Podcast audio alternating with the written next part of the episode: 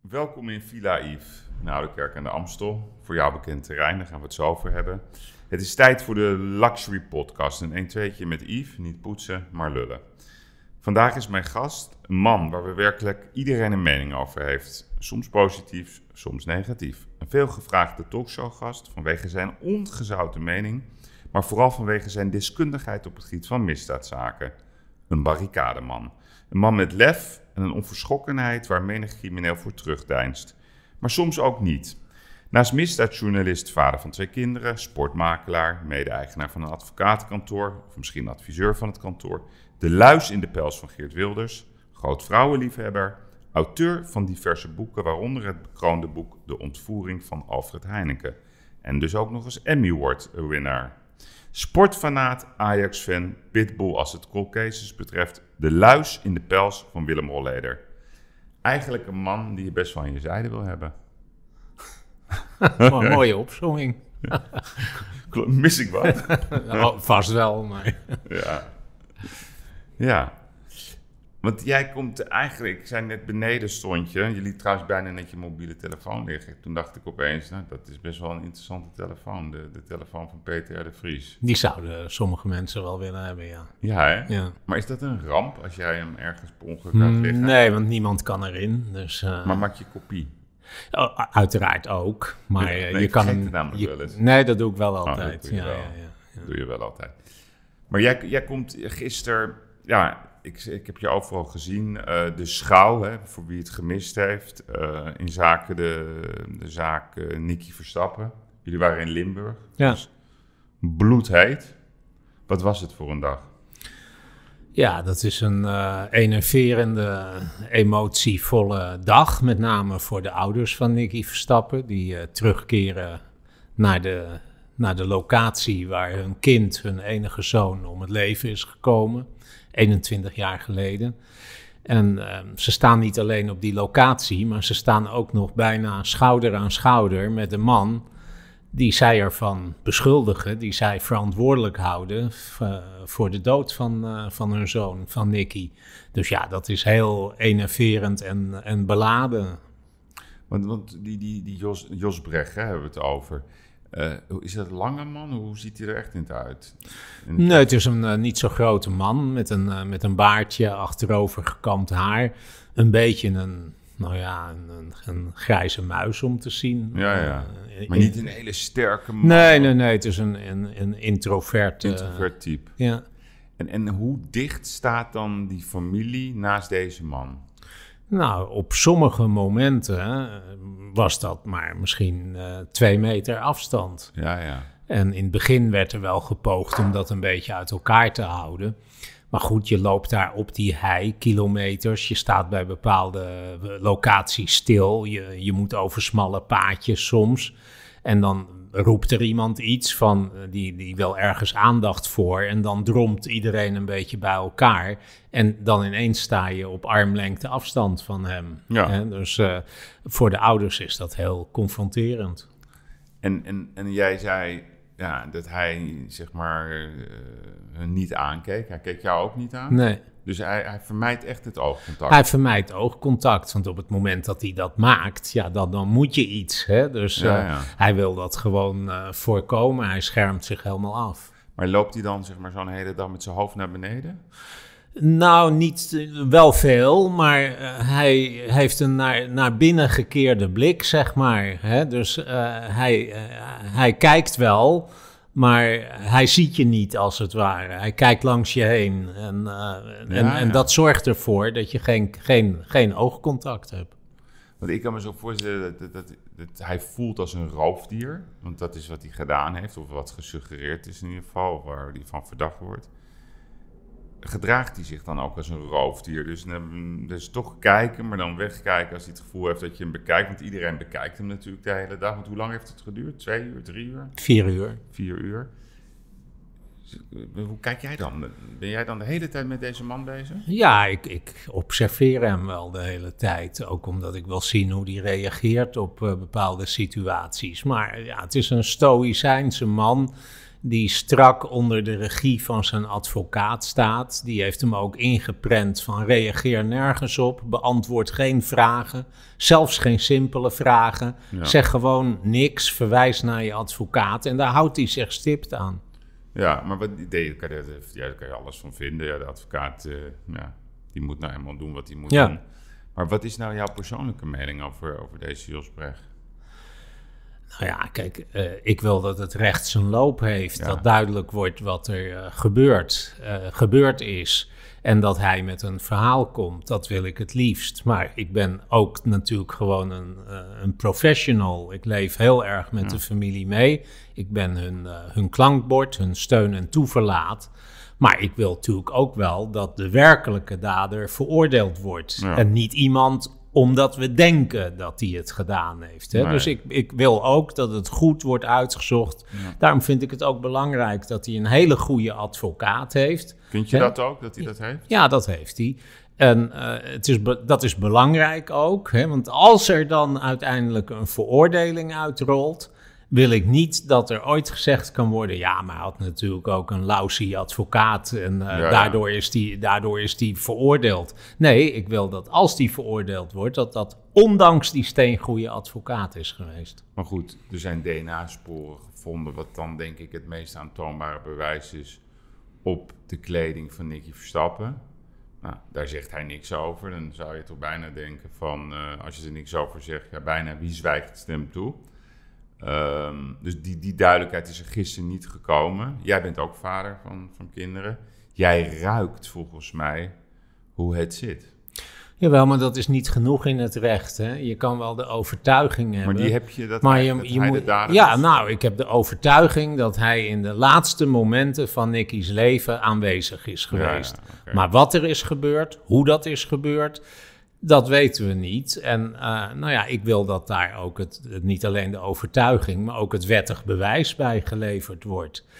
Ik heb natuurlijk ook eh, de andere kant meegemaakt. Ik, ik heb ook gerechtelijke dwalingen blootgelegd in Ja. Nederland, onder andere de Puttense moordzaak, waarbij mensen onschuldig in de gevangenis hebben gezeten. Dat is in mijn optiek het ergste wat iemand kan overkomen. Ja, beschuldigd worden van een, van een moord Ja. en onschuldig zijn. Dus die kant van het verhaal ken ik ook. En daarom wil ik ook dat hij een goede advocaat heeft. Dat er een rechtszaak gevoerd wordt waarbij alle details, alle aspecten aan de orde komen.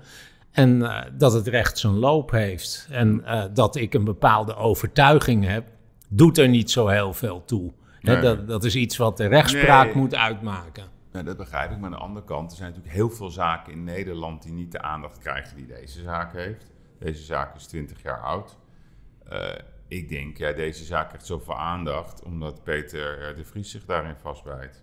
Nou, dat, dat, dat, dat is voor een gedeelte misschien waar. Tuurlijk heeft dat een rol gespeeld dat ik heel veel aandacht aan die zaak heb besteed. Maar goed, in, in- eh, dat- is geen disqualificatie natuurlijk. In principe heeft iedere nabestaande recht op al die aandacht en, en, en een rechtszaak en, en, opsporingsonderzoek, et cetera. Dus ik ben blij dat we uiteindelijk hebben bereikt dat dat in deze zaak ook eh, is gebeurd, of vooral is gebeurd. Nee, het is alles behalve een disqualificatie. Het is eigenlijk gewoon schandalig. Dat, dat is dat, dat als, als niet iemand op de barricade gaat staan... Dus, dus eigenlijk zeg ik, ja, waren er maar meer Peter R. de Vriesjes eh, in onze samenleving.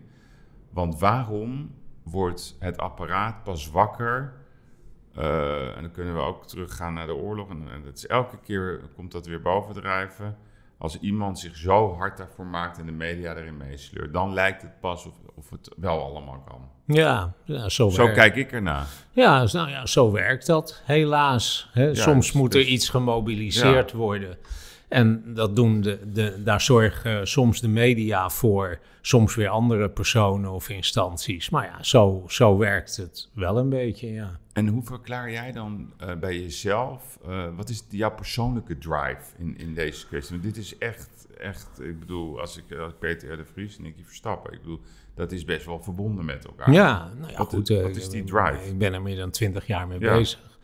Nou de drive is eh, dat ik altijd een bepaalde fascinatie heb gehad voor moorden op kinderen. heb ik mijn hele carrière veel aandacht en tijd aan besteed. Uh, heel veel onderzoek ingestoken. En in deze zaak was het zo dat kort na de moord ik door de ouders werd benaderd. met de vraag of ik wilde meekijken, of ik kon helpen. Ze hadden het gevoel dat de politie er niet snel uit zou komen. Dat gevoel bleek te kloppen. Ja. En ik kon toen natuurlijk nog helemaal niet overzien wat deze zaak met zich mee zou brengen. Maar ik zat bij die mensen thuis in Limburg. En ik zag op de dressoir een fotootje van Nicky staan met een, uh, een brandend kaarsje ernaast. En ik zag het verdriet van die mensen. En toen heb ik gezegd, nou, tuurlijk help ik jullie. Maar dat is wel dan, zeg maar, zo gaat dat? Ja, zo gaat Zulke dat. kleine details die dan denken, oké, ik ga dat, dat is het gewoon, ik ga het gewoon doen. Ja, dat gaat, maar ook omdat het mij wel enorm intrigeerde. Dat ik dacht, een jongen die op een vakantiekamp meegaat, hè, de hei uh, in, in Limburg dan eerst verdwijnt en vervolgens dood wordt teruggevonden.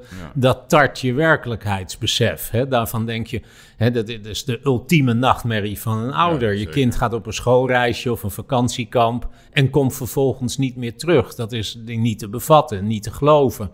En dus, ja, als je dan misdaadverslaggever bent, heb je natuurlijk wel heel snel dat je denkt, daar wil ik zeker wat mee doen. En als dan de ouders een persoonlijk appel op je doen. En je ziet ook nog eens dat die ouders hele lieve, integere, eerlijke, eenvoudige mensen in de goede zin van het woord zijn. Ja, ja dan, dan heb ik niet veel motivatie uh, meer nodig. En toen heb ik dus gezegd ook van ik ga je helpen. En uh, totdat de zaak is opgelost, kan je op mij rekenen. Dat was een belofte die je natuurlijk verbaal vrij makkelijk maakt. Ja.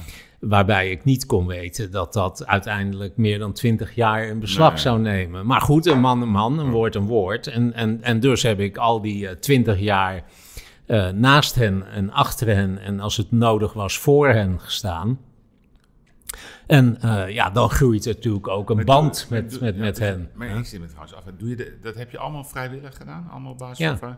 Nou ja, ik heb natuurlijk ook uh, programma's over gemaakt, ja, journalistiek aandacht aan besteed. Maar er zijn natuurlijk ook vele jaren geweest dat het vooral een strijd achter de schermen was, waar niemand wat van zag, wat ook niet meer leidde tot, tot publicaties of uitzendingen, maar wel veel tijd en, en research en, en, enzovoort vergde. En ja, ik heb me daar altijd in, in vastgebeten en ik zou me ook echt niet kunnen voorstellen dat er een moment komt dat ik tegen die ouders zou moeten zeggen van best Peter en Bertie Verstappen, luister, ik heb het nu twintig jaar gedaan, maar uh, ja, nu, uh, nu houdt het op hoor. Nee, dat, dat, dat zou ondenkbaar zijn. Ja, dat, dat kan niet. Dus hoe lang het nog mag duren, je gaat hier gewoon in door. En hoe vaak krijg je dit soort verzoeken nog meer? Ja, heel vaak. Heel wat, vaak. wat is dat heel vaak? Is dat elke maand? Nou, ik krijg elke dag uh, wel tientallen hulpverzoeken via de mail. En dat is niet alleen in, in, in, in moord- of verdwijningszaken, maar natuurlijk ook in heel veel andere zaken. Zaken die vastgelopen zijn, zaken waar de politie niks meer aan doet, zaken waar, waarvan men meent dat het een gerechtelijke dwaling is, uh, aangiftes waar niks mee gebeurt, uh, mensen die klagen over hun advocaat of, of, of wat dan ook. Het, het, kan van alles zijn, maar elke dag zijn dat uh, enorm veel verzoeken. En, en, en als jij dan, want dan moet je vaker nee zeggen dan ja, lijkt mij. Nou ja, soms kan je iemand uh, een goede tip geven. Dat je zegt, pak het zus of zo aan, of doe dit. Of je verwijst hem naar een advocaat. En soms uh, nou ja, uh, pleeg ik zelf wat telefoontjes of trek ik aan wat, aan, aan wat touwtjes. ik probeer altijd wel, als iemand een beroep op me doet, een, een vraag stelt, een noodkreet slaakt, om daar wat mee te doen. Ja, ja. De, maar dat, dat moet zich vertalen in de mening over zeg maar, het justitiële apparaat in Nederland, over het ministerie. Hoe hm. kijk je daarnaar? Wat is je advies aan, aan Den Haag? Nou ja, mijn, mijn opinie over de politie, hè, de nationale politie, is niet heel erg positief. Ik vind dat er ontzettend veel zaken blijven liggen. En dat de zaken die men wel oppakt in, qua afhandeling vaak enorm tekortschieten. Ik krijg elke dag dossiers op mijn bureau van mensen die ja, tegen een muur oplopen bij politie en justitie, die niet worden teruggebeld, waarbij beloftes niet worden nagekomen, niet op brieven wordt geantwoord. Hè. En, uh, een standaardzin in een brief die van het ministerie van Justitie komt, luidt altijd, ik krijg ze elke dag op mijn bureau, met excuses voor de late beantwoording. Dat is gewoon een standaardzin bij hun. en, en, en, en daarin mist vaak elke urgentie ja. En daar gaan vaak achter die brieven gaan drama's schuil. Dat zijn voor die mensen de belangrijkste zaken in hun leven. En bij de politie en het ministerie van Justitie neemt men vaak gewoon een half jaar de tijd. Soms reageren ze helemaal niet. Komt ook voor hè, dat mensen zes aangetekende brieven versturen en uh, je niks hoort. Heel toevallig heb ik vanmorgen zelf nog weer mijn secretaresse laten nabellen met het ministerie van Justitie over een aangetekende brief die ik zelf een maand geleden heb verstuurd. Nou, die was wel aangekomen, maar niemand had er ook maar iets mee gedaan. En dan moet je dat dus nabellen. En heel veel mensen hebben natuurlijk die assertiviteit niet, die weten niet hoe het werkt. En uh, nou ja, hebben dan iemand als mij nodig die dat weet open te breken. Eigenlijk heel gênant. Ja. Eh, als ik dit zo hoor. Ja. Dus dus, en wat is dan de rode draad van, van zeg maar de, de, de klachten die, of de klachten of zeg, de aangiftes die niet behandeld worden? Nou, dat men uh, vaak. Uh, maar zijn dat, zijn dat geweldszaken? alles. Stalking, zeden. de rode draad? Nou, de rode draad is dat men het gevoel van urgentie mist. Ja, ja. Dat heel veel politiemensen parttime werken, soms drie dagen in de week. En dat betekent dat ze de vier dagen niet zijn.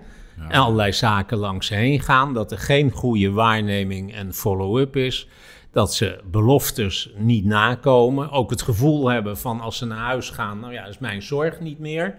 En dus ik mis vaak ook wel een stuk betrokkenheid. Ja, ja. Uh, ik, ik zeg ook wel eens tegen de, tegen de, de, de korpschef van de, van de nationale politie.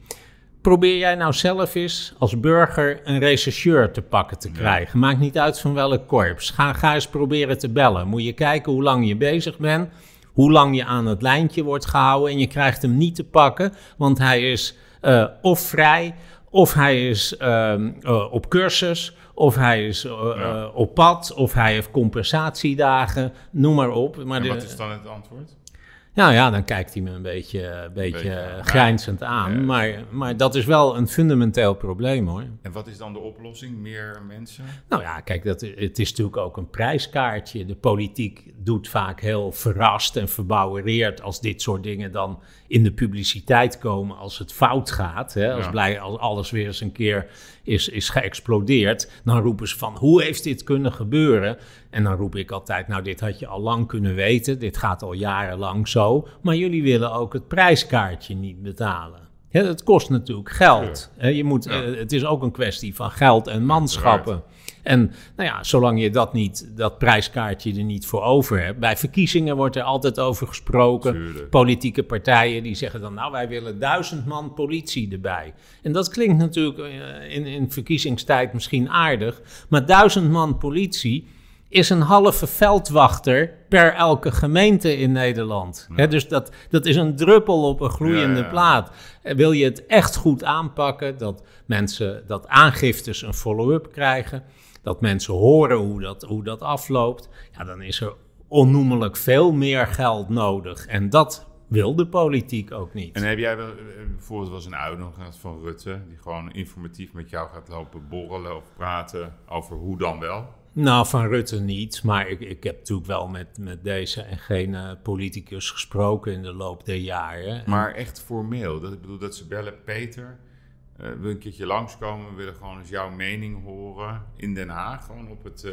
Mm, nee, dat niet. Maar het is wel zo dat ik wel ook... Ik geef ook wel eens lezingen op ja. politieacademie of aan officieren van justitie dan hou ik ze die spiegel ook wel voor. Hè? Ja. Dat, dat, ik zeg van jongens, dit schort eraan. Maar toch gebeurt het niet. Nee, toch gebeurt het dat niet. Dat is dus geen ja. sense of urgency. En welke politieke partij stem jij zelf? Dat uh, gaat niemand wat aan. nee? maar in ieder geval niet de PVV. nee, dat, dat, is wel duidelijk. Nee, dat hou je dus voor jezelf. Maar ben je wel constant in je keuze? Op welke partij ja, ik ben wel vrij constant. Ja, ik, ik heb eerlijk gezegd een beetje een hekel aan mensen die elke keer switchen van politieke partij en dat dat dan afhangt Ja, ja. van de douceurtjes hè, die de politiek heeft in de vorm van een extra uitkering of bonus of, Ja. of, of aftrekpost of wat dan ook. Mensen die zich daardoor laten leiden, laten zich uitsluitend leiden door eigen belang. Van, hoe, waar, van welke partij word ik beter? En nou ja, dat is ieders goed recht, maar ik, ik probeer het veel breder te zien en eh, te kijken naar een groter belang waar we als, als maatschappij, als wereld meer aan hebben. Ja, ja, oké. Als wereld, ja.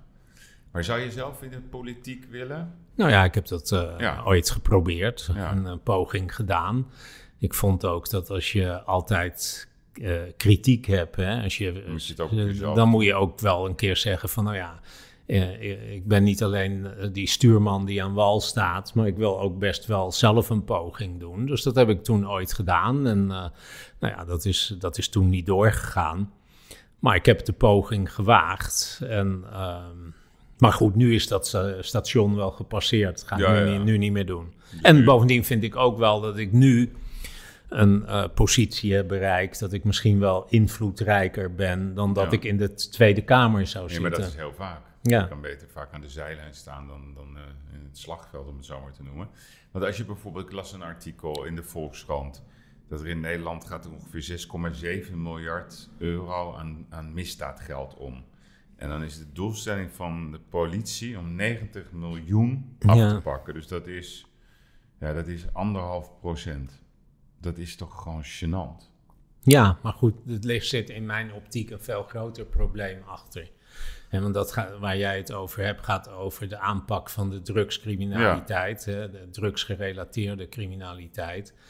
En ik vind dat we daarmee een heilloze weg zijn ingeslagen. Hè. De- Want? nou, de war on drugs, die al 30 jaar wordt gevoerd, die hebben we gewoon verloren. Ja, En daar kan je dus wel miljarden in blijven pompen en het hele rechtssysteem door laten verstoppen en alle capaciteit van de politie daarop inzetten.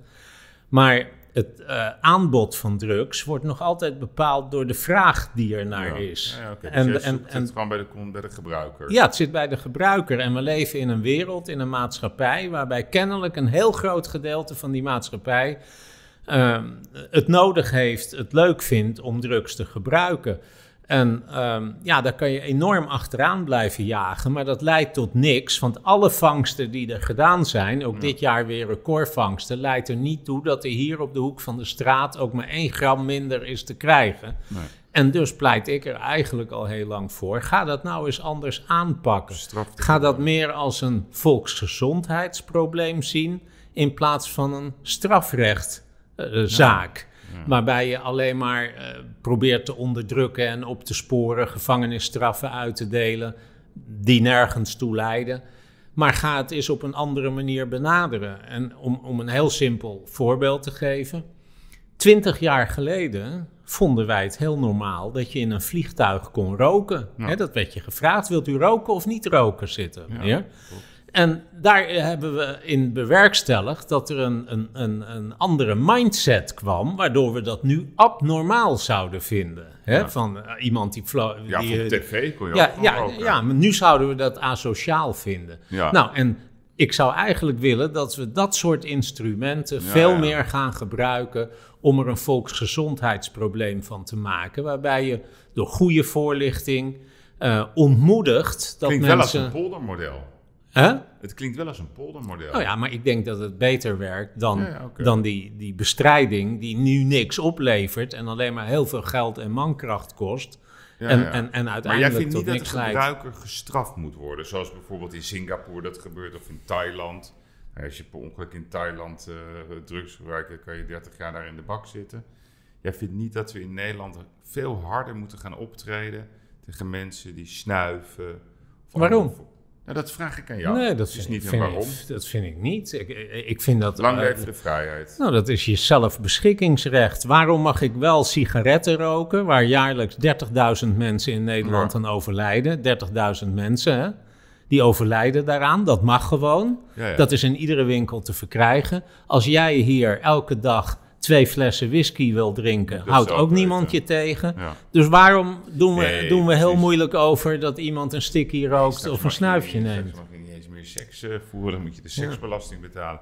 Daar moeten we toch niet aan denken. Maar oké, het is duidelijk. En het ge- heb jij zelf als drugs gebruikt? Nee, nee, maar ik ben wel dus heel tolerant in, In het gebruik. in het gebruik. En dat ik vind dat we daar Maar op een andere manier moeten... Nee, nee, nee. Nee ik, ben te veel, ik ben te veel sportman Oké. Oké, dus jou, jou, jouw stelling is, eh, vind ik vrij duidelijk. Jij zegt, mensen die willen gebruiken, die moeten gebruiken. De providers die dat doen, ja, het is zinloos om ze te bestrijden... tenzij ze bij wijze van spreken geweld of andere vormen van ellende daarvoor Nou ja, inzetten. ga, ga kijken of je... hè, En laten we het asociaal maken met z'n allen. Ja, ja, en ga ondertussen aan de kwaliteit van die drugs werken. Ja. Door, als je het reguleert, kan, heb je ook toezicht op de kwaliteit ervan. Hmm. Nu wordt, is, ontstaan de problemen ook heel vaak omdat het versneden troep is, eh, hè, waarmee gemanipuleerd wordt, et cetera, gezondheidsrisico's. Ja. Nou, zorg dat je dat een beetje onder controle krijgt. Misschien kan je er als overheid, net als bij de sigaretten en de alcohol, nog wat aan verdienen Ja. hè, belasting. En eh, daarmee kan je prima de ontmoedigingscampagnes fi- financieren. ja, fascinerend. Welke politieke partijen vinden dit? Nou, het grappige is, eh Yves, dat als ik hier met eh, politici over praat, dan zeggen ze heel vaak tegen me, hè, één op één, je hebt gelijk. Ja, vind ik ook. Ja. En dan zeg ik, waarom zeg je dat dan niet? Waarom hoor ik je dat nooit roepen? En dan zeggen ze, ja, maar dat trekt de achterban niet. Weet je, want dat, dat is de dat, politiek. dat is dus hoe het gaat. Hè? Ja, nee, dat trekt de achterban Ja, niet. en dus zeggen Ja, ze het niet en blijft alles zoals het is. ja, nee, maar dat is vreselijk. Ik denk niet dat wij dat gaan veranderen, hoe zij denken. Oké, we gaan een, een jumpje maken. Het is eh spannende avond vanavond. Ik neem aan dat jij om negen uur in de arena Ja. zit. Nou, niet in de arena, maar ik ga wel kijken, ja. Maar zit je meestal in de Ja, arena? ik ben meestal in de arena. Waar, waar zit jij? Eh, vak 120. Oh, echt zo. Dat is het Ja. beetje, noem ik altijd het vak van de Jordanezen. Oh, Ja, er zitten heel veel. oh ja. In ieder geval heel gezellig. Wa- Wat is jouw, hoe is jouw liefde voor Ajax ontstaan? Nou, dat is een heel opmerkelijk verhaal. Ik, ik ben opgegroeid in Amstelveen. Ja, En eh, daar zat ik ook op school. En eh, toen ik op de lagere school zat, in de zesde klas, toen moesten wij altijd van ons schoolgebouw naar een gymnastieklokaal lopen, wat anderhalve kilometer verderop lag. Dat deelden we met andere scholen. En we liepen dan keurig met de hele klas daar naartoe. En dan kwamen we ook langs een flatgebouw aan het Sint-Philipsland in Amstelveen. ja, ja. En toen we daar langs liepen op een ochtend naar dat gymlokaal, toen zei mijn leraar, die, zei, die wees naar een man die op de balustrade van die flat een sigaretje stond te roken. Ja, en die wel. zei van, eh, kijk jongens, daar staat Velibor Vasovic. Oh, ja. Dat was de auspoetser van, eh, van Ajax, een roemruchte speler. En dat was eigenlijk mijn eerste bewuste aanraking met Ajax. En ik vond dat zo fascinerend dat zo'n eerste elftalspeler bij mij in Amstelveen Ja. in een flat woonde. Dat ik die dag na, na school ben gaan aanbellen in die flat bij Velibor Vasovic en om een handtekening heb Ja, ja, ja, gevraagd. ja. En toen bleek dat in die flat eh, Ajax nog meer spelers had ondergebracht. Inge Danielsson woonde daar bijvoorbeeld, eh, Tom Soendergaard. En nou ja, eh, mijn broertje en ik en, eh, en vriendjes maakten er eh, gewoonte van om één keer in de week daar weer te gaan aanbellen en weer een foto en handtekeningen te vragen. En daardoor is eigenlijk, zou je kunnen zeggen, de liefde voor Ajax ontluikt. En vanaf dat moment waren wij natuurlijk supporters. Want kijk eens daar op de, op de zwart-wit tv, waar wij toen naar keken. Wie daar loopt, dat is Velibor Vasovic, die vlakbij Ja, ons woont. die kennen hè? Dus, eh, die kennen wij, daar komen Ja, wij ja. aan de deur. Dus eh, zo is het gekomen. En zo, dus het is niet echt vanuit de, vanuit, meestal hoor je dat het vanuit de vader er Nee, mijn, mijn dat vader was helemaal geen, eh, geen sportliefhebber. Eh, Nee. we hebben dat zelf ontwikkeld. Ik heb het wel overgebracht aan mijn eigen zoon. Ja, daar gaan we Die, het eh, hebben. Die zijn ja. inmiddels ook zakelijk actief op dat terrein. Maar als jij nou kijkt, want jij hebt dus wel de, jij hebt de topjaren van Ajax nog meegemaakt. Ja, zeker. Ja, ik heb al die wedstrijden ja. gezien. Ja, Ja. en als jij nou kijkt gewoon als voetballiefhebber, wat is dan jouw top drie van voetbalspelers die, Nou, waar je het meest van hebt genoten, van Nederlandse voetbalspelers? op nummer 1 staat Piet Keizer. Ja? Ja, ik was een eh, Piet Keizer fan. Ja. Hè, je was in mijn tijd een beetje of voor Kruif of voor Keizer. Terwijl ze natuurlijk eigenlijk een geweldig duo vormden. Ja. Ze vulden elkaar ook aan. Maar ik was een Piet Keizer eh, adept. En eh, ja, dat vind ik een... een, een- ik, heb hem, ik heb hem ook persoonlijk goed leren kennen. Wil je nog wat water trouwens? Nee hoor, ik ben oké. En hè, dus ik ben een eh, Piet Keizer man. En in het hedendaagse voetbal ben ik een eh, Lionel eh, Messi man. Ja, ik ben een enorme fan van Messi. Lionel. Andere men, ja, Lionel. Andere mensen zijn meer voor Ronaldo, Ja. weet je wel. Maar dan sta je, sta Nee, je houdt van de, ben ik in het je houdt van, de, Messi. van de techniek. Want Ja. Keizer was ook zo'n speler. ja, ja, ja, ja. En, en als je kijkt naar Nederlandse, want het tijdperk Keizer en nu, er zijn er toch wel een aantal tussen geweest. Welke Nederlandse voetballers hebben jou in al die jaren en decennia echt geboeid? Nou, Marco van Basten ja, natuurlijk. uiteraard. Hè? Vond ik een geweldige speler. En zo zijn eh, iedere generatie heeft zijn eigen Ja. topspelers wel, eh, wel voortgebracht. En als jij kijkt naar het huidige Ajax, wat is jouw mening daarover?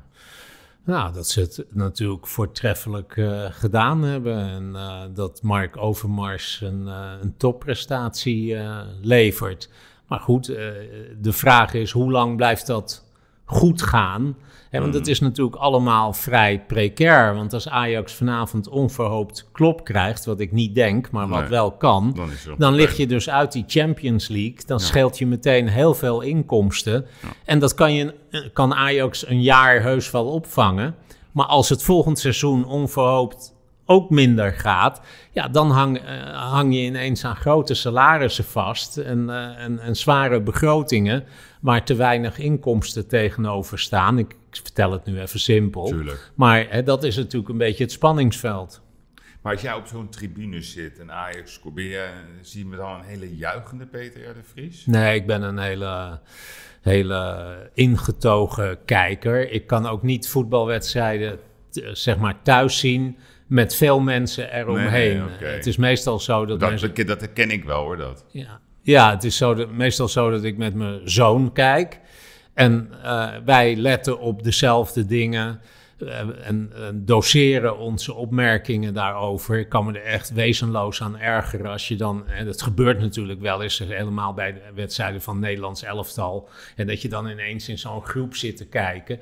En dan, dan zit er altijd iemand bij die er niks van weet. En die dan hele stomme vragen gaat stellen. Ja. Hè, van waarom speelt die niet mee? Ja. Of hè, dat is dan een speler die al een half jaar met een gescheurde kruisband aan de kant staat. Ja, waarom speelt die niet mee? Nou ja, dan weet je, dan word ik gek. Ja, dus ja. ik, ik moet maar ga je altijd. dan eh, nooit uit je dak, zoals in 88, halve finale. Nederland-Duitsland van Basten. Tuurlijk, tuurlijk. Op het moment dat er gescoord wordt, wel. Ja. Maar ik vind dat je ook. Ja, ik wil het spel goed zien. Ik, ik kijk ge- geconcentreerd. Nee, maar, en, die- eh, maar je, bent, je, je komt heel rustig. Eh, sommige mensen vinden je nors. Eh, nou, ik denk gewoon, je bent under control. Maar ga je wel eens helemaal uit je dak? Zoals toen Natuurlijk, tuurlijk, eh, met het ja. puntetje van Klaas. ja, tuurlijk, tuurlijk. Dan sta ik ook eh, op, op, op de tafel te dansen. Oké, dat wel. En, eh, maar dat neemt niet weg dat ik tijdens de wedstrijd. Hè, je ziet ook wel eens mensen in het stadion. Die staan de hele wedstrijd een beetje te horsen. met een glas bier in hun hand. en Ja, ja. en overal naar te kijken en te zwaaien. Ja, dat doe ik niet. Ik, Nee. wil, ik kom voor de wedstrijd. echt, en, en ik wil op bepaalde dingen letten. Op tactiek, op techniek. En, eh, ja. Maar dat is de journalist in jou. nou, maar ook dan. de liefhebber, de, de, de, de voetballiefhebber. En, en ja, wat, wat ben jij voor een liefhebber? Ben je liefhebber van, van 5-3-2, 4-4-2, 4-3-3? Heb je nog een bepaalde voorkeur voor een bepaald spelsysteem? Maar ik vind dat er is soms iets te veel de nadruk op die spelsystemen worden gelet. Het gaat gewoon namelijk om de spelers die op het veld staan. Ja, die ja. moeten balans hebben. En soms heb je in je elftal eh, eh, spelers waarvan je zegt... nou, de, de- die, hè, die zijn aanvallend ingesteld, kunnen mooi over de vleugels spelen. Maar als je niet, geen echte vleugelspelers hebt...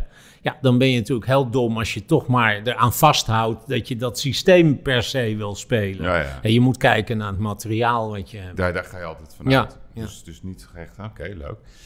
Hey, en jij vertelde net, eh, ja, mijn zoon, die is eh, zaakwaarnemer, die heeft een eh, advocatenkantoor. Dat heet geloof ik De Vries en Kazem. Ja, Wie, wat, wie is Kazem trouwens? dat is onze partner. Oké.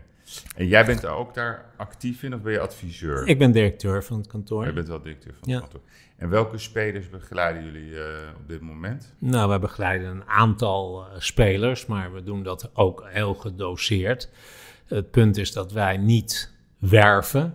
Wij, ik sta niet langs de lijn visitekaartjes uit te delen aan ouders van talenten. Van, eh, oh, bent u de vader van, eh, van die en die? Nou, hier heeft u mijn kaartje en kunnen we eens praten. En hier heeft u nog alvast een paar mooie, mooie Adidas voetbalschoenen voor uw zoon. Dat doen wij niet. Wij begeleiden, begeleiden louter op aanvraag. Mensen die zelf bij ons komen Ja, ja. en, en, en zeggen van, Maar kunnen dat zijn jullie dan ons de ouders meestal. Dat zijn vaak de ouders, maar eh, ook spelers zelf die daarmee een bewuste keuze maken. En ik vind dat belangrijk, want op het moment dat zij bij mij komen, kan ik ook, eh, Ja. zijn zij vatbaar voor Nee, mijn tuurlijk. aanpak. En als ik ze op, op het voetbalveld een beetje heb overgehaald, hè, Ja. dan eh, is het vaak moeilijker om eerlijk tegen die mensen te zijn. En ik heb wel één ding gemerkt, dat het heel belangrijk is in die wereld, dat je eerlijk zegt waar het op staat. En, en zo'n jongen een slechte wedstrijd heeft gespeeld, dan maak je wel mee dat andere zaakwaarnemers hè, de- tegen hun pupil zeggen van, nou, je hebt fantastisch gespeeld, Ja. alleen jammer dat de rest van het team je niet begreep. Maar wat is jouw aanpak dan?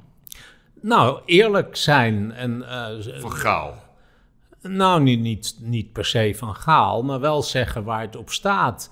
Die jongens bewust maken ook van wat er nodig is om de top te halen. Vaak hebben die jongens toch een gebrekkig zelfinzicht. Ze zijn ook nog heel jong. Ja. Wat je ze moeten doen. En, jongeren en- nou, daar begint het vaak mee. Ja, Nee, natuurlijk. oké, maar je eh. kan ook natuurlijk in die, in die, in die doorhandel zitten van zes- 26, eh, 30 Ja, maar die jaar. hebben meestal al een Ja, ja. zaakwaarnemer. en, je, eh, nee, maar goed, als je op een gegeven moment tien jaar actief bent, dan komen ja, dan, zelf bij. dan, dan kan maar dat. wie hebben jullie nu, eh, zeg maar... Nou, wij noemen- eh, ja, maar dat is, toch, dat, dat is toch niet geheimzinnig? Meestal is dat wel bekend wie, eh, wie bij een kantoor zit.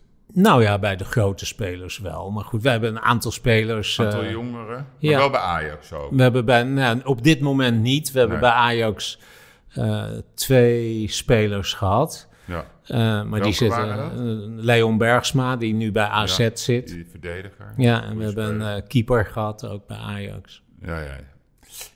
Heb je gisteren nog even gekeken naar Ajax onder 19 tegen Barcelona? Nee, heb ik, eh, ik was gisteren op de hei eh, oh, ja, nee, maar het was, het was s'avonds. Jawel, maar toen was ik, was ik bezig met, om Ja. terug te komen uit Limburg. En vervolgens moest ik nog bij eh, Eva Jinek aan tafel. Ah, ja, dat heb ik gezien. Maar jouw zoon, hè, hoe kijk Want je, je hebt, aan de ene kant heb je dan de klant, hè, dat zijn de, de vaders vaak van de voetballers. Of eh, jullie zijn ook op andere vlakken actief, eh, uiteraard met dat kantoor. Maar hoe benader jij jouw zoon? Hoe bedoel je? Nou ja, jij bent zijn vader en zijn zakenpartner. Maar je bent wel de ervaren man. Hoe, hoe, hoe ga je met hem om? Hij is een grote jongen. Ik bedoel, hij is 30. eh of niet het, het les te hebben. Ja. Hoe zie jij hem zelf? Nou, ik zie hem als een eh, jongen die eh, op eigen benen staat, die mijn hulp eigenlijk helemaal niet nodig heeft. Maar we vinden het leuk om samen dingen te doen. Dat hebben we ons hele leven gedaan. Ik heb hem van jongs af aan eh, meegenomen naar Ajax. Ik ben coach van zijn eigen team jarenlang geweest. Ik ben met hem de hele wereld over gereisd om samen te duiken. Eh, we hebben heel veel andere sporten samen gedaan. En eh, toen hij uiteindelijk ging studeren, ging hij rechten studeren. Nou, dat is natuurlijk iets waar ik ook veel feeling mee heb. En eh, zo heeft zich dat eigenlijk langzaam ontwikkeld. En hij is nu advocaat, gespecialiseerd in, in mediarecht. Nou ja, dat is weer een gebied waar ik natuurlijk ook het nodige van af weet van media. Ik ken daar veel mensen in. Eh, veel eh, klanten die komen soms eh, komen via mij binnen. Hè, die, die zeggen van ik zit met een probleem, kunnen we eens praten. Nou, als dan blijkt dat daar een ehm, juridische oplossing voor nodig is, dan komt hij erbij zitten. Hij is advocaat, ik niet. En nou, zo doen we dan samen zo'n zo'n zaak. En dat, werkt dat werkt voortreffelijk. En juist omdat hij advocaat is en ik niet, heeft hij zijn eigen specialiteit, uh, kan die dingen op eigen kracht. En ik kan zeggen, ik leer van hem dagelijks. En hij leert van mij dagelijks. Het mooiste dat er is natuurlijk met je zo. Ja. Maar is het ook je beste vriend? Nou, beste vriend, uh, dat, dat, vind ik altijd. Nou, ik weet niet of dat de juiste benaming is. Laat ik zeggen, wij hebben een hele hechte band samen. We trekken ongelooflijk veel met elkaar op. Het is een soort automatisme. Op een bepaalde manier voel ik me niet inderdaad uh, elke dag zijn vader, maar meer een, een, een, een partner, een, een geestverwant ook in een hoop dingen. En dat, dat zorgt ervoor dat het goed werkt. We hebben eigenlijk nou, nooit conflicten. En dat is niet omdat we elkaar naar de mond praten of zo, maar om, om, juist ook omdat we respect hebben voor elkaars mening. Hij, is, uh, hij lijkt in bepaalde opzichten op mij, maar op andere opzichten ook weer niet. Uh, dat, maar dat, dat, waar, waar, hoe lijkt hij op jou? Nou, hij is, heeft wel dezelfde um, kwaliteiten en talenten, denk ik hij is ook analytisch ingesteld. Hij heeft ook een, een, een juridische manier van denken. Hij is uh, erg gefocust op nieuws en maatschappelijke ontwikkelingen, wat ik ook altijd ben. wij praten ook heel veel over het nieuws van de dag met elkaar. Ja, ja. En, dus dat, dat boeit hem ook allemaal. Hij heeft ook, ook wel overwogen of hij in plaats van uh, advocaat journalist zou worden. En, en, dus op een bepaalde manier is de appel niet ver van de boom gevallen. Delen we wel een aantal uh, ja, interesses. En, uh, en waar, verschillen, waar verschillen jullie niet? Wat is echt uh, omdat jullie heel anders over denken? Nou, ik, ik, ik bewonder hem eigenlijk wel, omdat ik, om, omdat ik vind dat hij iets plooibaarder is dan, dan ik ben. Wat, uh, wat minder scherpe kantjes wellicht. Hè? Dat is de invloed van zijn moeder uh, geweest, denk ik. Uh, waardoor die, zeg ik dan maar, een verbeterde uitgave van mezelf is. Ja, ja. ja. Vind je dat een nadeel dat jij niet plooibaar bent? Nou ja, kijk, eh, vaak is dat ook een karikatuur die van je gemaakt wordt. En die, waar media ook dol op zijn om dat een beetje te, te benadrukken, te bevestigen. Uh, terwijl mensen die mij kennen uh, ook heus wel de andere kanten van mij kennen. En weten dat ik natuurlijk ook heus wel uh, plooibaar kan zijn in situaties. Maar goed, soms is het in de journalistiek ook nodig dat je ja, de, dat mensen een bepaald uh, ja, uh, beeld van je hebben, wat ze ook weer graag bevestigd zien. Ik merk wel in interviews ook, vaak komen dezelfde dingen op tafel. Hebben ze de knipselmap goed gelezen en wordt het weer gerecycled. En zo blijven dingen vaak hun eigen... Nee, maar dat ligt ook aan jou, omdat jij... In het, ik, ik denk, dan sta je altijd aan. Ja, nou ja, goed, maar dat dus, is dus toch... een soort uh, van, ja, ik ga niet te veel over mezelf zeggen. Bijvoorbeeld ook dat je niet zegt van, ja, ik stem gewoon op partij. denk ik, ja, wat kan, maakt dat nou uit? Nou ja, het maakt misschien niks uit, maar wat is de meerwaarde dat ik dat wel dat zeg? Dat ik, ja, interessant. En vervolgens uh, krijg ik dat weer zes maanden via de social okay, media nee, over okay. me heen. Maar dus daar ben je wel gevoelig voor? Nou, niet gevoelig, maar eh, soms weeg ik wel af of iets meerwaarde heeft om te delen met Truus uit uh, Urk en uh, Mien uit Sneek. Of dat überhaupt zin heeft. En op het moment dat je, dat je daar alleen maar negatief mee geconfronteerd wordt denk ik wel eens van, nou ja, waarvoor zou ik dat doen? Maar wat ik zo raar vind, hè, als ik gewoon, ik ken jou niet goed, dus, dus dan kijk ik objectief naar jou en dan denk ik, nou, die man die zet zich in voor werkelijk waar alle mogelijke zaken die best ingewikkeld zijn. Dus ik zei in het begin ook van, nou, het is best lekker om een PTR de Vries aan je zijde te hebben.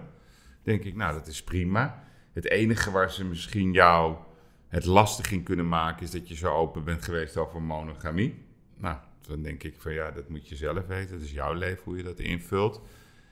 Dus ja, je bent niet iemand waar ik van zeg van ja, die, dat kan niet en dat, er is niet zo heel veel wat, wat niet deugt. Dus ik kan hem niet ontdekken. Het is meer dat je heel specifiek en eigenwijs bent. Nou, dat is toch prima. Nou ja, maar aan de andere kant. Maar, ja, maar, aan de andere, ja, maar, maar Yves, aan de andere kant wil ik er dan toch maar op wijzen dat ik ook juist heel tolerant ben. Want we hebben het er net over gehad Ja, dat, dat ik vind dat je de drugs gewoon moet reguleren. Dat je de mensen niet moet opsluiten die dat gebruiken.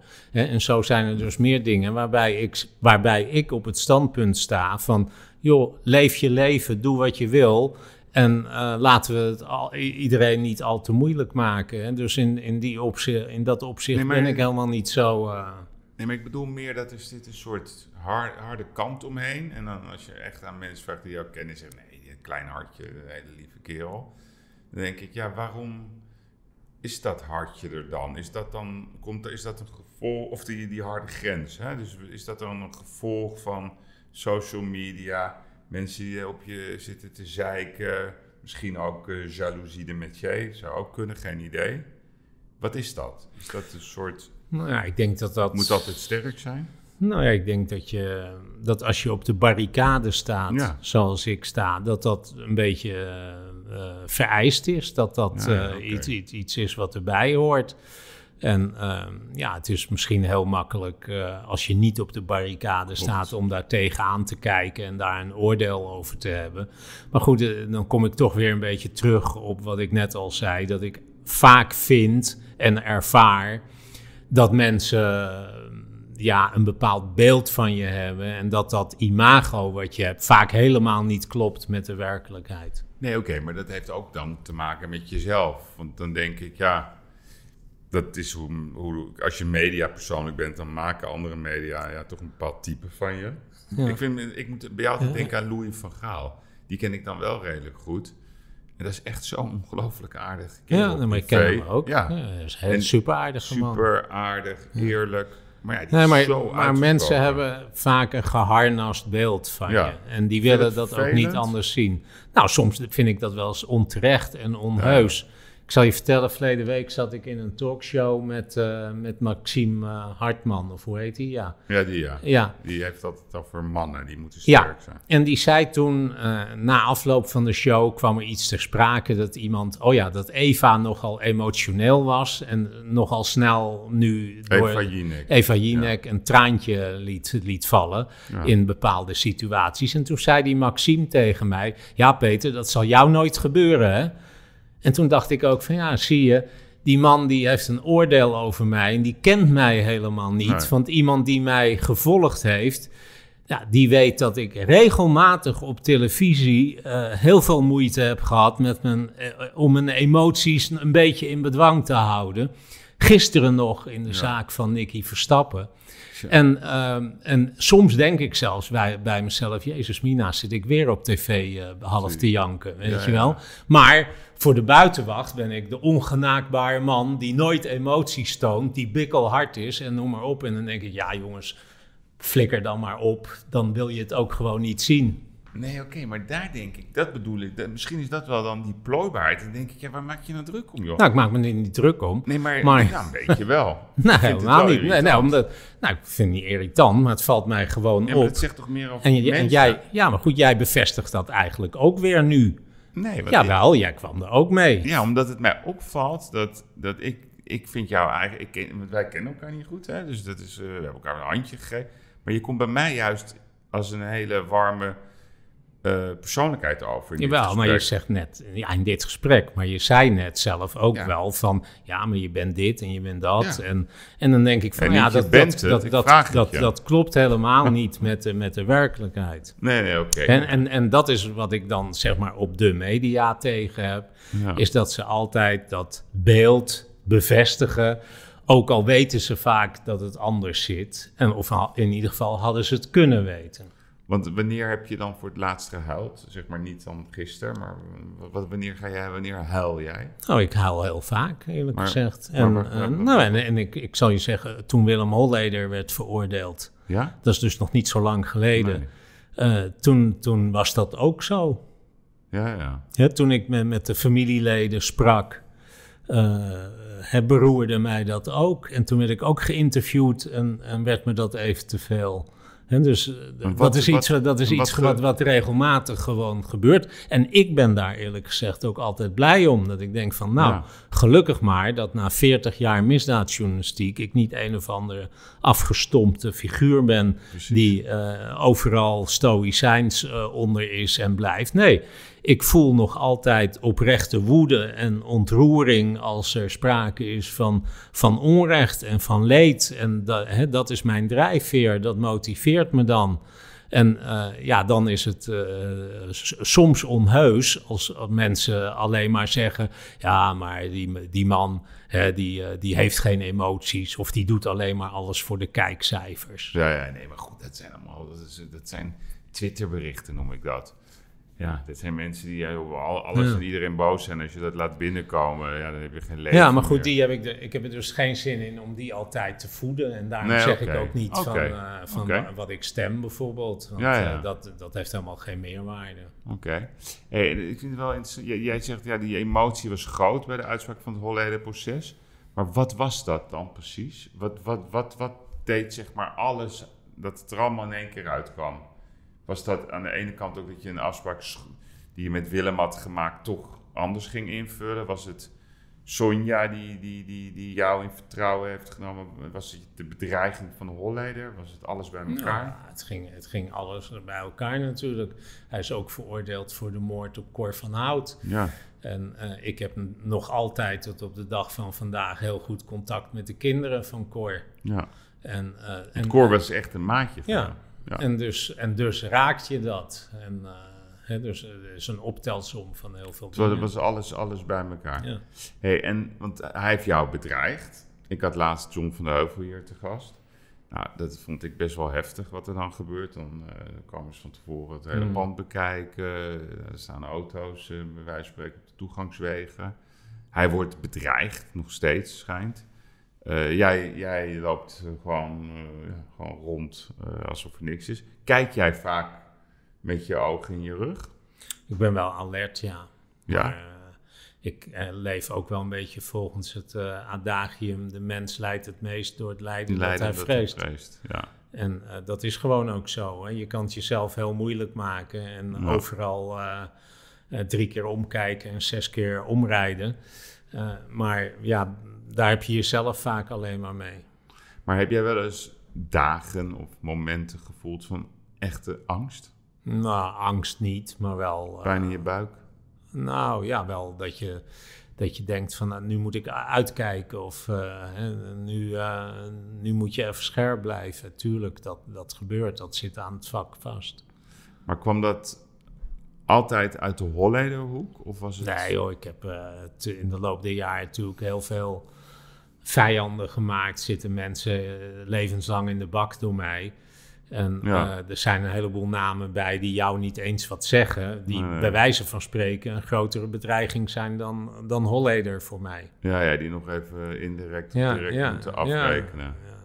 En wat is dan de angst? Is het de angst van je kinderen? Is het de angst van je, van je eigen leven? Nou, het is niet zozeer angst, Nee. want met angst kan je niet leven. Nee. Kijk, als je bang bent, zeg ik altijd, word je als een chirurg die met eh, trillende handen staat te opereren. En die, die operaties gaan fout, kan ik je vertellen. Ja, En dus je moet zorgen dat je geen, eh, zodra je trillende handen krijgt, moet je stoppen. ja, En dus eh, ik heb nog geen trillende, trillende handen. Ik ben alert, ik ben scherp, ja. ik ben waakzaam. Eh, maar op het moment dat je bang zou zijn, als je angst hebt, dan kan je niet meer functioneren. Vind jij dat, de, want jij hebt al die verschillende tijdperken meegemaakt, hè? Van, het, van zeg maar het Holleder eh, tijd, de Heineken tijdperk, we het maar zo noemen, tot waar we vandaag staan. Ik denk dat het veel extremer is geworden, de criminaliteit in Nederland. Nou, ik vind dat dat wel meevalt. Ja? Ja, ik, ik weet wel, eh, 40 jaar geleden eh, woedde er in Amsterdam een eh, Chinese oorlog. Ja, En werden ook allerlei mensen op straat afgeknald. En Ja, ja. dat verschilt heel weinig met nu. het is iets van alle tijden. Het is iets van alle tijden. Dat blij- de bewijzen ook de statistieken wel. Het is alleen zo dat het meer aandacht krijgt. Hadden natuurlijk 40 jaar geleden geen sociale media.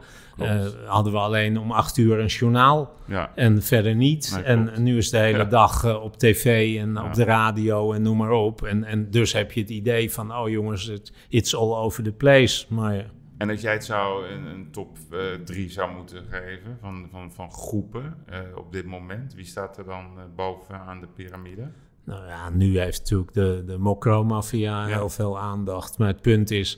Maar nou, hebben die ook macht? Nou, die, tu- o- tuurlijk hebben we een, een dominante positie, maar de ervaring leert ook wel dat als ze daarop gaan focussen, eh, ja, een soort waterbedtheorie. Op het moment dat je dat dan heel erg wegdrukt, popt het ergens anders omhoog. En ik heb in de loop der jaren al periodes meegemaakt van de Turkse maffia, de Russische maffia, de Albanese maffia, eh, een, een Joegoslaven-maffia. Ja, Weet gehad. je, ja, hebben we allemaal gehad. Dus eh, het is van alle tijden. En na de Mokro-maffia komt er weer wat anders. En welke groep denk je dat dan misschien komt? Wat, wat, Ja. wat is wat zeg maar de talentengroep op dit moment?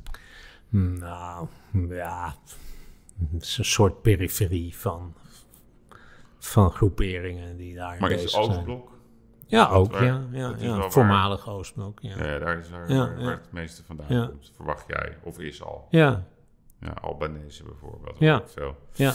Oké, we gaan even een sprongetje maken naar wat, eh, wat eh, aparte vraagjes. Zitten per slot van rekening bij, bij de Luxury Media Group. Je krijgt van mij eh, voor een weekje een privé-eiland eh, cadeau. En je mag van mij drie mensen meenemen. Alleen geen familie. Wie neem je dan mee?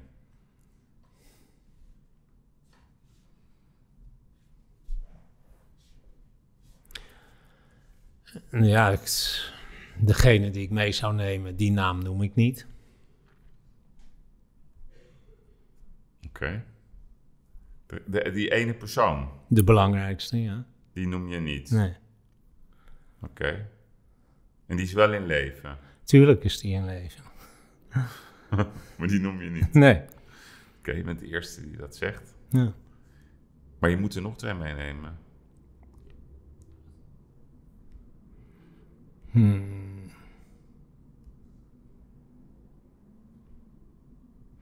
Nou ja, dan, dan mijn zoon en mijn dochter. Nee, mag geen familie. Oh, mag geen familie zijn. Nou, laat dan maar zitten. Ja? Dan, dan heb ik aan die ene persoon genoeg. Stel nou eens voor dat, dat, dat, dat, je, dat het toch niet meer zo goed gaat met jou. Dus, dus we ontslaan jou van al jouw banen, verplichtingen, noem het maar op. En ik moet een nieuwe baan voor je regelen. En ga er maar vanuit dat ik een hele goede detacheerder ben. Welke baan wil je dan dat ik voor je regel? Hmm, nou, eh, ik, weet, ik denk niet dat je die kan regelen. Want laat ik het zo zeggen, in een ander leven, als ik geen journalist geweest zou zijn, zou ik advocaat willen zijn. Ja, ja. En, eh, maar goed, ik ben geen advocaat, dus eh, dat kan je ook niet regelen. Maar als ik het. Als oké, maar dus Ja. een, een advocatenkantoor in ja, binnenkwam. ja. En dan strafrecht, neem ik aan. Mm, ja, maar ook wel, ook wel ander. Niet alleen strafrecht. Ik vind ook wel mediarecht bijvoorbeeld heel interessant. Maar vooral ook nou ja, zaken waarin je onrecht recht kan zetten. Dat vind, ik wel mooi. Ja, maar dat is ook wel... Dat Ja. is, dat is wel volgens mij wat jouw driver is in het leven. Want welke Nederlandse advocaten bewonder jij? Nou, ik heb altijd Gerard Spong heel goed gevonden. Die is heel scherp en heeft een enorme juridische kennis, maar kan dat ook heel eh, eloquent verwoorden in de rechtszaal. Je kan heel goed improviseren. Ik ken ook wel advocaten die zijn juridisch briljant, maar die kunnen geen verhaal houden. Ja, die ja. staan een beetje te murmelen en Ja, van papier op te lezen. Nou ja, dat dat Zijn Franken? Ehm, nou, die, die, die, die is zeker niet slecht, maar in zijn performance is die inderdaad stijver. Of de gebroeders Anker, die zijn juridisch briljant. Nou, eh, die vind ik nou juist meer in de, in de uitvoering weer, hè, in de performance beter. Ja, ja, oké. En, eh, hè, maar je hebt, je hebt zeg maar veel eh, advocaten die zijn ja, zeg maar schriftgeleerden. En, en, maar die hebben heel veel moeite om te improviseren in een rechtszaak. Ja. Hè? En dat moet ook. Hè? Je moet dan ook op als de tegenpartij Ja. eh, zijn pleidooi gehouden heeft, moet je daar eh, eh, uit de losse pols op kunnen reageren. En heel to the point en scherp dingen kunnen weerleggen. Dat kunnen ze vaak niet, omdat ze eerst een dag thuis nodig hebben om met de wetboeken alles uit te pluizen en op te schrijven, et cetera. En dan ben je uiteindelijk toch geen goede advocaat. Nee, precies. Maar, maar namen dan? Ik bedoel, ik vind het leuk om... eh, jij hebt met al die gasten te maken gehad. Ja. Welk, welke advocaat... Waar krijg, van wie krijg je nou bijvoorbeeld jeuk? Dat je echt denkt van, oh god... Nou ja, je ziet natuurlijk gewoon heel veel slechte Ja, advocaten. maar wie dan?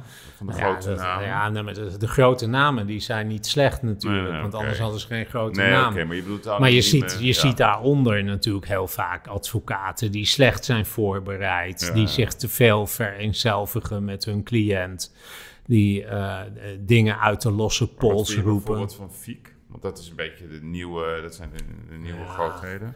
Nou ja, ik heb natuurlijk met Fiek een akkefietje gehad in de zaak van de Holleder Ja. hè, over die, die, die tape.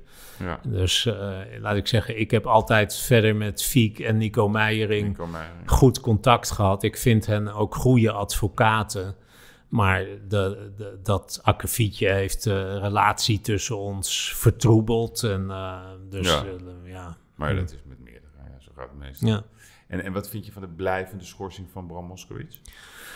Nou, ik vind dat de, je moet wel iets buitengewoon ergs gedaan hebben. Wil je permanent uit je beroep gestoten worden, levenslang. En Bram is nu vijf, zes jaar eh, eruit geweest. Ik zou zeggen, geef die man een tweede kans. Eh, stel een begeleider aan Ja. die toezicht houdt. Laat hem elke maand een rapport inleveren over hoe, hoe de zaken ervoor staan op zijn kantoor. Maar geef hem weer een kans. Ja, ja. Maar dat komt weer, weer je bent heel sociaal als ik dit heb. Ja. Ik denk hè, over heel veel hele ingewikkelde kwesties eigenlijk. Van ja, tweede kans moet iemand krijgen, begeleid het hele proces.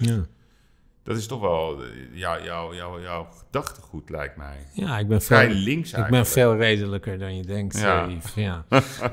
dacht je dan dat ik dacht dat je niet Ja. redelijk was? hey, hoe, hoe kijk jij naar jezelf, vroeg ik me af. Doe je dat überhaupt? ja, ik ben eh, heel kritisch naar mezelf. Maar wat zie je dan? Nou, een man die zijn best doet, Ja, maar eh, die, eh, die lang niet altijd tevreden is over eh, hoe die het doet. En ik, ja, eigenlijk is het wel zo. Ik heb natuurlijk 17 jaar lang een programma gemaakt, misdaadprogramma Ja. gemaakt op tv, wat heel veel mensen goed vonden. Maar ik heb de perfecte aflevering niet gemaakt. ja, ja. Want kan Ja. jij naar jezelf kijken? Dus, dus ik hoor heel veel van mezelf. Ik kan echt niet naar mezelf kijken, hè? bekende Nederlanders. Of naar zichzelf luisteren. Kan jij rustig gewoon een uurtje even kijken naar een performance die je hebt gedaan, bijvoorbeeld bij Jinek of in een ander programma? Ja, ik, ik, ik ben het stadium natuurlijk voorbij dat ik Ja, de ja. volgende dag nog eens ga terugkijken. Ja, exact. Want ik, bij, ik zit natuurlijk ontelbare keren bij, bij Boulevard en, in die talkshows. En dan denk ik echt, nou jongens, ik, heb het ik was erbij, ik heb het gezien. Ik ga Hmm. dat niet de volgende dag terugkijken.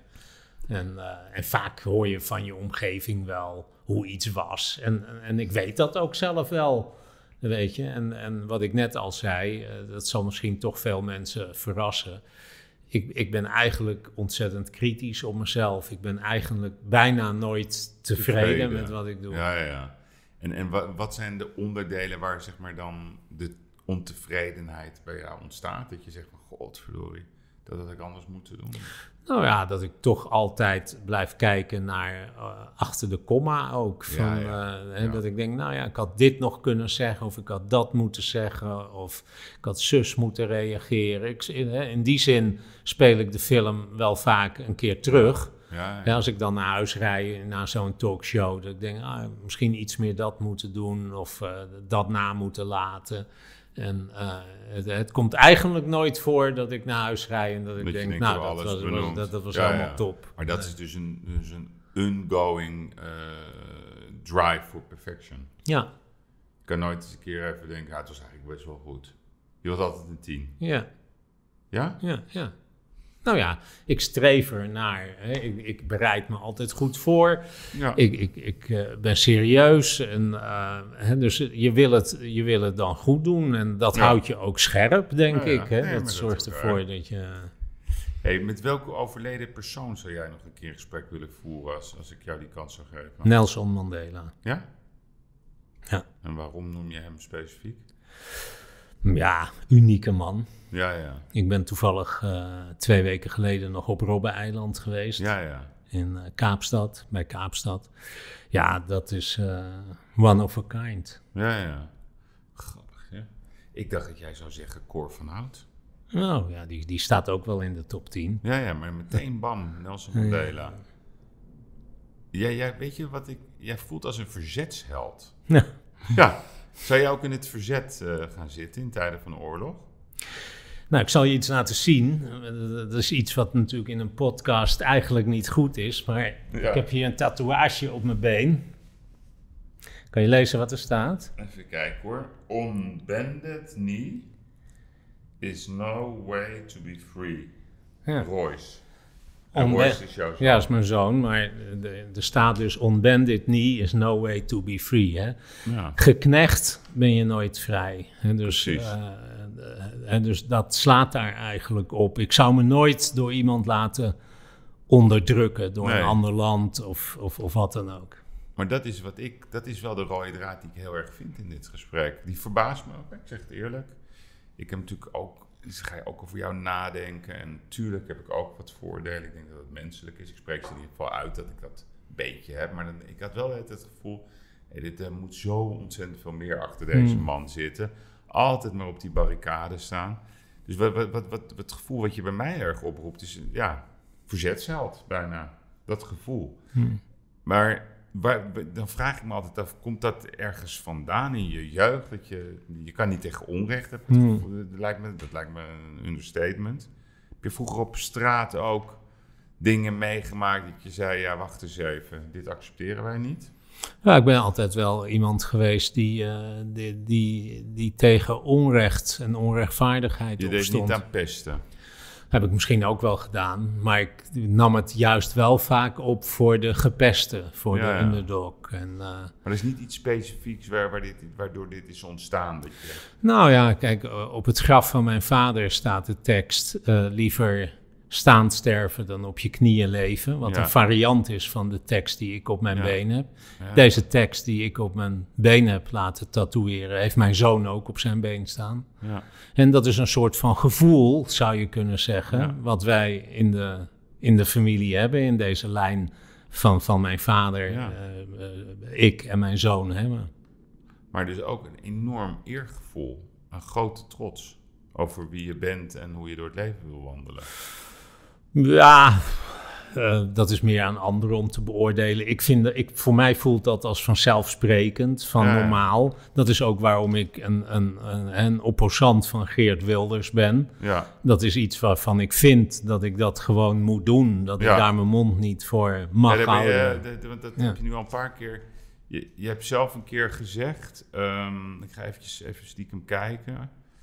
ehm, over Wilders. Sommige BN'ers noemen het dragen van een niqab of burka eng. Maar weet je wat eng is? De Partij voor de Vrijheid. Die nu ook het dragen van hoofddoekjes wil verbieden. Ja. Dat is pas eng. Dat heb je getwitterd op 1 Ja. augustus, recent. Ja. nog. Wat, wat stuit je tegen de borst bij deze man? Nou, precies dat Dat. natuurlijk. Een, een- iemand die een partij heeft die zich noemt Partij voor de Vrijheid, Ja. PVV, Ja. en vervolgens allerlei elementaire zaken wil verbieden omdat het hem niet aanstaat. Ik vind dat heel griezelig. En, en hoe kijk jij bijvoorbeeld naar, naar Thierry Baudet, die een zware zomer achter de rug heeft?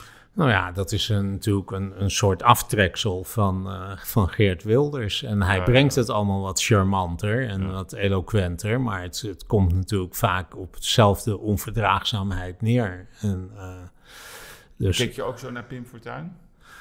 nou, ook wel, ja. Ja, ja. Maar was, was jouw vader, kwam je uit een PvdA-gezin? Nee, nee, nee. Dat niet. nee. Nee, nee, nee. Je hebt nog een paar leuke dingen gezegd in de media. Als ik mijn bekendheid zou kunnen inleveren, dan zou ik dat doen. Nieuw Revue, 20 december 2017. Oh, nou, ja. eh, Waarom zeg je dat?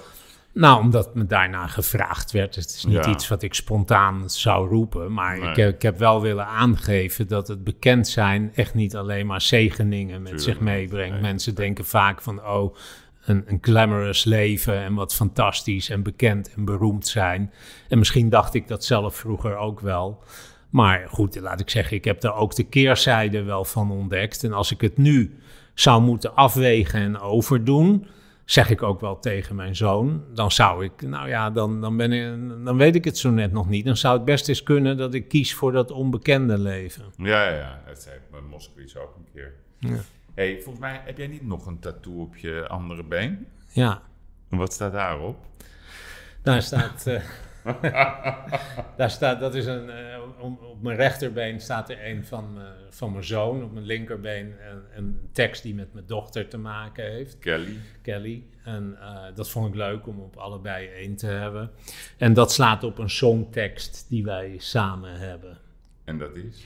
Nou, dat is een, een heel eh, gewoon liedje. Toen zij jong was, eh, bracht ik haar elke dag naar school in de auto. En toen hadden we nog zo'n CD-speler in de auto.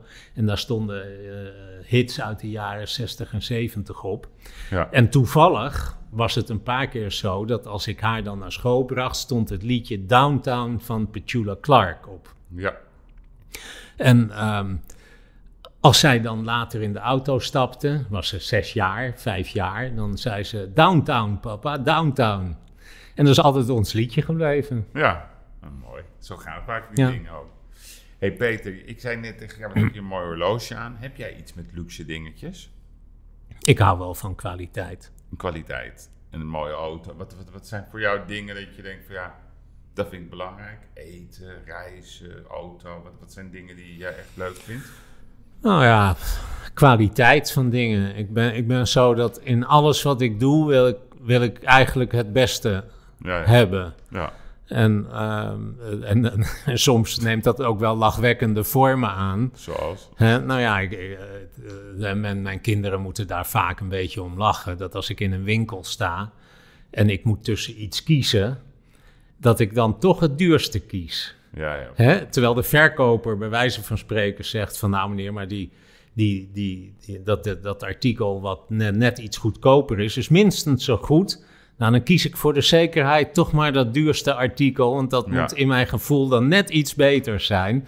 En eh, hè, ik vraag in winkels ook vaak als ik iets koop, lachen mijn kinderen ook altijd om. Die zeggen, doen dat ook altijd na, dat ik dan nog even voor de zekerheid vraag: is dat top of the bill? Vraag ik dan. Hè, als ik, Ja, ja, ja. eh, ja, ja. daar zelf- Het moet altijd top Ja. de beeld en, zijn. en ja. dan zeggen mijn kinderen weer, oh papa weer hoor, top of the bill. Ja, ja. ook. ja, ja, ja, ja, ja.